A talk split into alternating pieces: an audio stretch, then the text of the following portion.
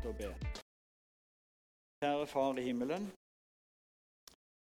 Nå legger vi fortsettelsen av denne gudstjenesten i dine hender og ber. Vil du tale til oss? Vil du tale til hver enkelt av oss det vi trenger å høre? På din måte, det vi trenger. I Jesu navn. Amen. Er det greit hvis jeg snakker sånn? Hører dere da? Cirka? Det er bra. Når jeg skulle forberede talen her, så, så fikk jeg noen setninger. Jeg husker ikke navnet på han sendte en melding, men han sendte iallfall melding og så sier temaet er hva er egentlig evangeliet? Det gode budskap. Hvorfor trenger vi frelse?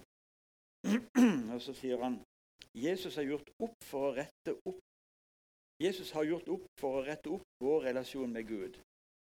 Hvordan blir evangeliet om Jesus godt nytt for meg? Det var egentlig det han skrev til meg. Var det så cirka i forhold til det du sa?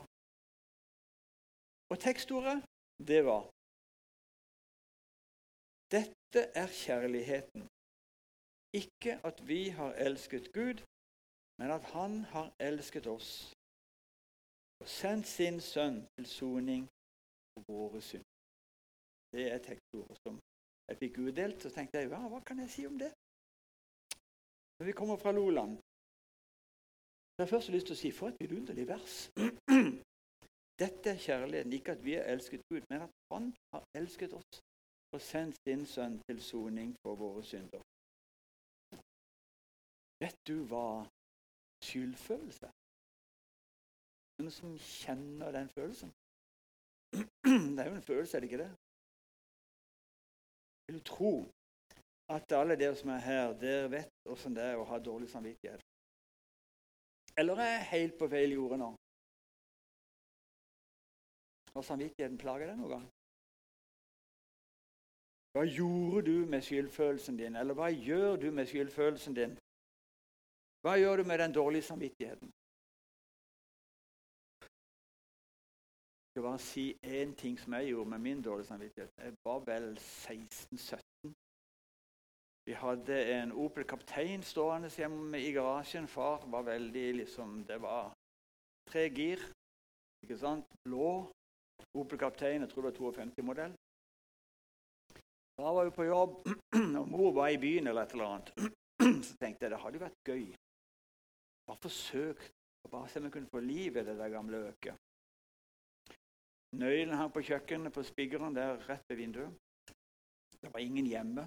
Og så var det sånn at det, garasjen, Den gamle utedassen sto rett der. Og så var garasjen inn sånn. på en måte, ikke sånn? Er du med? Så tenkte jeg hvis jeg kan Jeg skal ikke kjøre ut, på dette, det er jo ikke lurt. Men hvis jeg vi kan liksom få i gang bilen og så kjøre ut sånn, så bare komme ut til porten eh, Det må jo gå greit. Og så kan jeg jo bare eh, rygge inn igjen. Eh, det tror jeg jeg forsøker. Og så vippa jeg nøkkelen av spikeren, og så fikk jeg liv i kapteinen. Og så kjørte jeg fint ut først. Deilig følelse. Og så kjørte jeg inn igjen. Så tenkte jeg forsøker jeg en gang til. Og så var det ute en gang til, og så sto jeg fint. Og så skulle jeg inn igjen, og så hørte jeg den der berømmelige lyden på forskjermen. Vet du åssen den er, vet du ikke det? Og så tenkte jeg oi, hvor godt av den innerste skjermen, for det ser jo ikke far. Jeg fikk på en eller annen måte buksert meg inn og så tenkte jeg, nå er det nok for i dag. Eh, og så gikk jeg opp og hang, hang nøkkelen på spigeren og så tenkte jeg nå Hva gjør jeg nå? Kjempedårlig samvittighet. Men jeg sa ingenting. Jeg hadde vel en aning om hva som kom da, hvis jeg sa at uh, det, var, at det er noe hvit maling på forskjermen på den sida. Men far så det ikke. Jeg husker ikke hvor lang tid det gikk, men jeg hadde det ikke noe greit. Hver gang vi spiste, så visste jeg jo hva jeg hadde gjort. Og Hver gang far skulle sove middag, så visste jeg jo også hva jeg hadde gjort. Så jeg gikk med den der skyldfølelsen, den der dårlige samvittigheten da ut og da inn. Til far en dag kom hjem og så sa det er noe rart med den der forskjermen der. altså. Det er noe, skjønner Jeg har ikke vært borti noe, men det er noen hvitmalinger i bunke der. Altså. Pussige greier. Så tenkte jeg nå må jeg si noe. Og så fikk jeg endelig sagt at det var meg. Nå skal ikke jeg si hvordan alt det der. Jeg husker ikke engang hvordan ting og tang ble, men det, det, ble ikke noe big deal hjemme hos oss. Så jeg fikk bekjent det, jeg fikk sagt det, og så fikk jeg altså uh, komme meg videre. Det å gå med uh, skyldfølelse, det å gå med dårlig samvittighet, det er ikke noe gøy, og det vet du òg. Det er ingen av oss som ikke har opplevd det. I Bibelen så står det at det kommer en dom en gang. Det er også ganske bøst. Dere. Jeg vet ikke om dere tenker på det til daglig, at dommen kommer. Og for hver dag jeg lever, så kommer jeg nærmere og nærmere den dommen. Og så skal det altså, vi skal dømmes etter våre gjerninger. Eh, det skal en gang gjøres regnskap for livet mitt og for ditt liv. For det er ikke så Det er nokså synlig ovenifra, det vi holder på med. Men jeg tenker på en måte at eh, jeg trenger egentlig ikke noen dommer. Jeg vet ikke om du er med på det, men altså, jeg tenker at eh, jeg har jo dommen inni meg. Jeg har jo dommeren inni meg. Han forteller meg hva som ikke jeg skulle ha gjort. Og jeg vet at jeg holder ikke mål. Jeg er ikke sikkert det er så mye verre enn alle andre, men jeg vet at jeg ikke holder mål. For jeg kjenner det der med skyldfølelse. Jeg vet det der med, med hvordan det er. Det rare jeg tenker og De der følelsene mine som uh, svinger fra tid til annen, og mine begjær, det der som er i kroppen min, og mine urene tanker, alle fristelser um, det De er ramla rett oppi, og de er ikke ramla oppi, uh, som jeg klarte meg gjennom. Og jeg er så utrolig glad for at jeg ikke er utstyrt med høyttaler. Tenk om, tenk om jeg strikka til med en høyttaler på hver på hvert øre som kringkasta det jeg tenkte. Da kunne ikke jeg gå her i Vennesla. Jeg kunne ikke gå noen steder. Jeg måtte vært oppe på heia en eller annen plass for meg sjøl langt inne. Jeg hadde ikke likt at noe av det jeg tenkte, skulle bli kringkasta. Fordi jeg tenker så mange rare tanker. Tenk på alle de ordene som er sagt. Det vet jo Janne. Jeg har vært med henne i 50 år. Det er jo ikke alt det jeg har sagt som har vært så veldig pent. Eller heller ikke sagt på riktig måte. Eller på ting jeg skulle ha sagt, som ikke jeg sa. Det er mange ting, dere.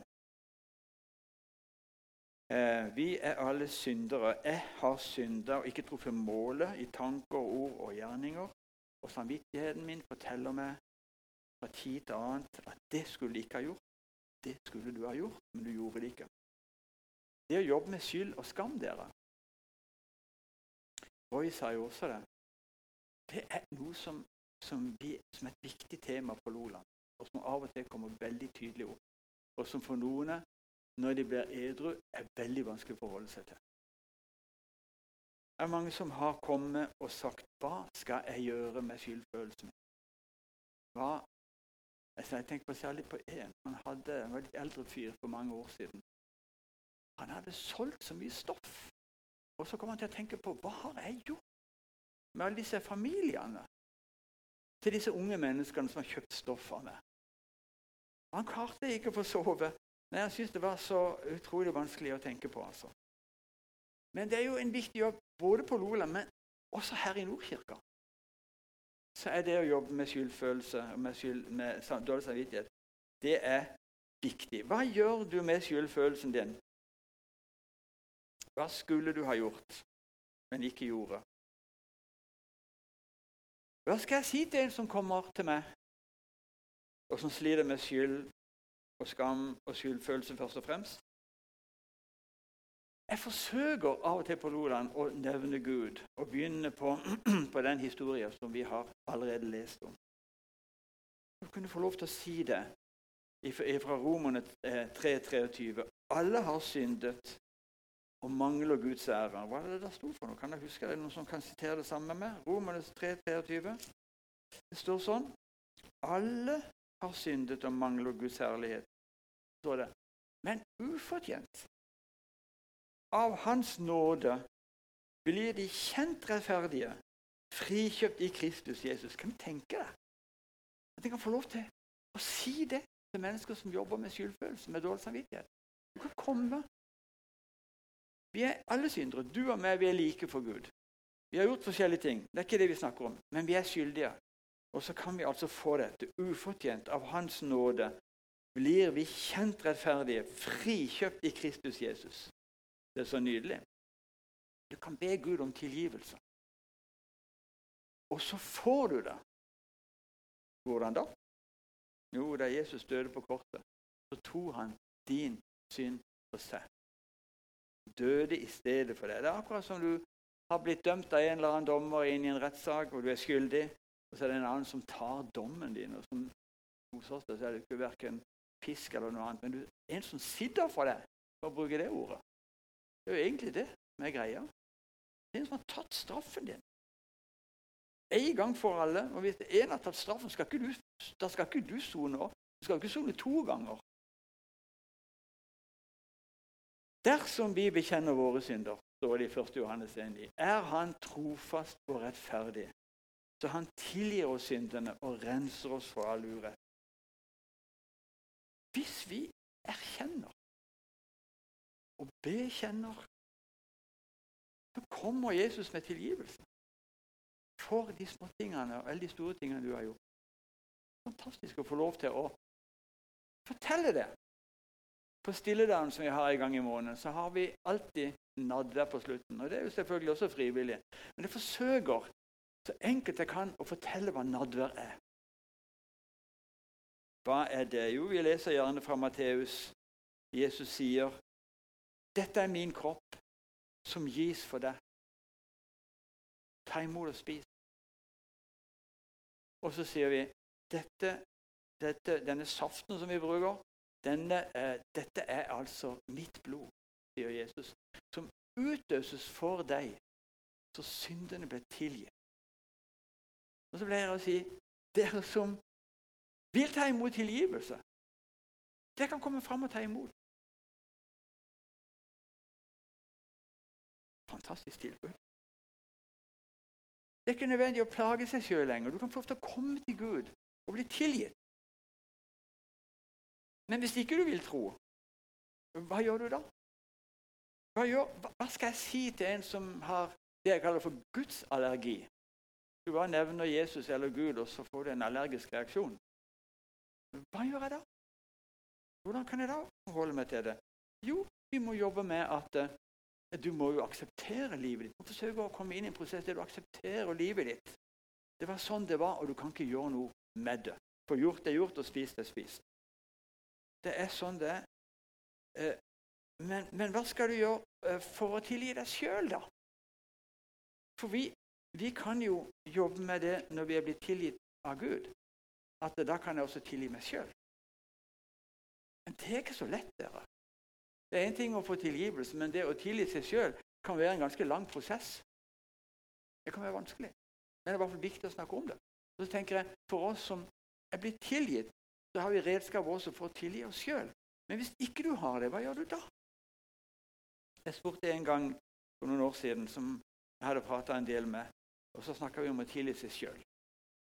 Han hadde ikke noe tro. Han hadde det jeg vil kalle en sånn Guds allergi. Og så sier han så sier jeg, kan, kan du tilgi deg sjøl? Kan, kan, du komme inn i den? Kan du gjøre, kan du gjøre noe for å tilgi deg sjøl, så kan gå videre? Nei, det kan jeg ikke. Jeg kan ikke tilgi meg sjøl. Jeg må iallfall komme litt videre. Jeg må bli litt bedre før jeg kan tilgi meg sjøl. Ja, nå blir du bedre, da.